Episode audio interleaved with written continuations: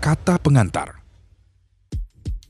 Kontestasi politik akhir-akhir ini membawa kita pada kondisi intens, di mana terjadi ketegangan di antara masyarakat akibat polarisasi politik. Masyarakat Indonesia seakan terpecah dalam dua kutub yang saling berseberangan. Kondisi ini sebenarnya tidak asing bagi mayoritas dari kita. Dari dulu, kita senantiasa diajarkan untuk melihat sesuatu secara biner, surga atau neraka, baik atau buruk, benar atau salah, sedih atau bahagia, perempuan atau laki-laki.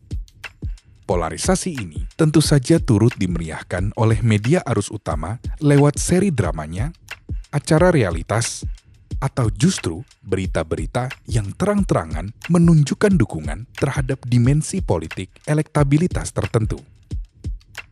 Dampak dari kondisi politik serta perspektif biner yang digunakan mayoritas masyarakat tidak lain dirasakan, baik secara langsung dan tidak langsung, oleh komunitas dan juga kelompok minoritas yang tidak termasuk ke dalam dua kubu tersebut, atau kelompok yang justru rentan dijadikan objek gorengan dan gimmick politik. Perempuan dan minoritas gender, orang muda, orang lanjut usia, orang dengan disabilitas, dan kelompok minoritas lainnya. Mereka kerap kali luput dan diikut sertakan dalam perbincangan. Keterbatasan sumber daya membuat mereka tak jarang kehilangan ruang. Sementara, media arus utama riuh mencari sesuatu yang hangat dan laku.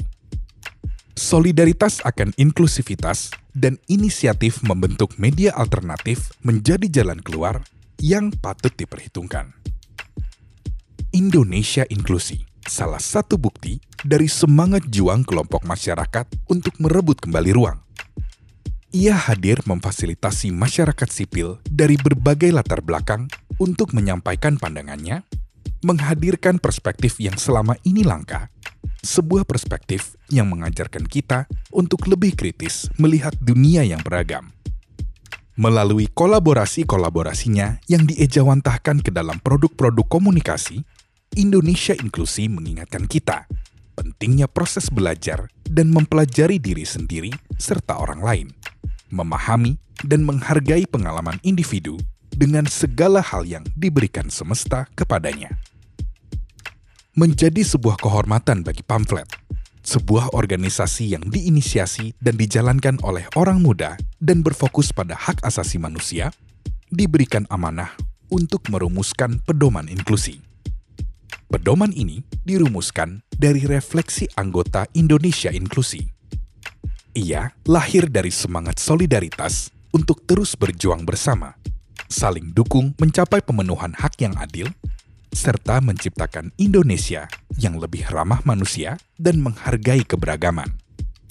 Pedoman ini diharapkan mampu memfasilitasi penguatan Indonesia inklusi untuk terus berkolaborasi dan bersuara secara inklusif khususnya dalam isu gender, orang muda, orang lanjut usia, dan dis dan disabilitas.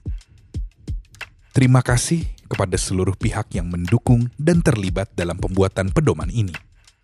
Terima kasih kepada Hivos Indonesia, Voice Global, teman-teman yang tergabung dalam Indonesia Inklusi, staf dan relawan pamflet atas kerja kerasnya berkontribusi dalam penyusunan pedoman inklusi. Pedoman inklusi diharapkan mampu menjadi pendukung pembentukan ruang-ruang inklusif dan diskursus baru yang, dalam tanda kutip, nakal terhadap sistem diskriminatif non-biner dan jauh dari tanah. Salam hormat, Astrid Permata, Koordinator Umum Pamflet.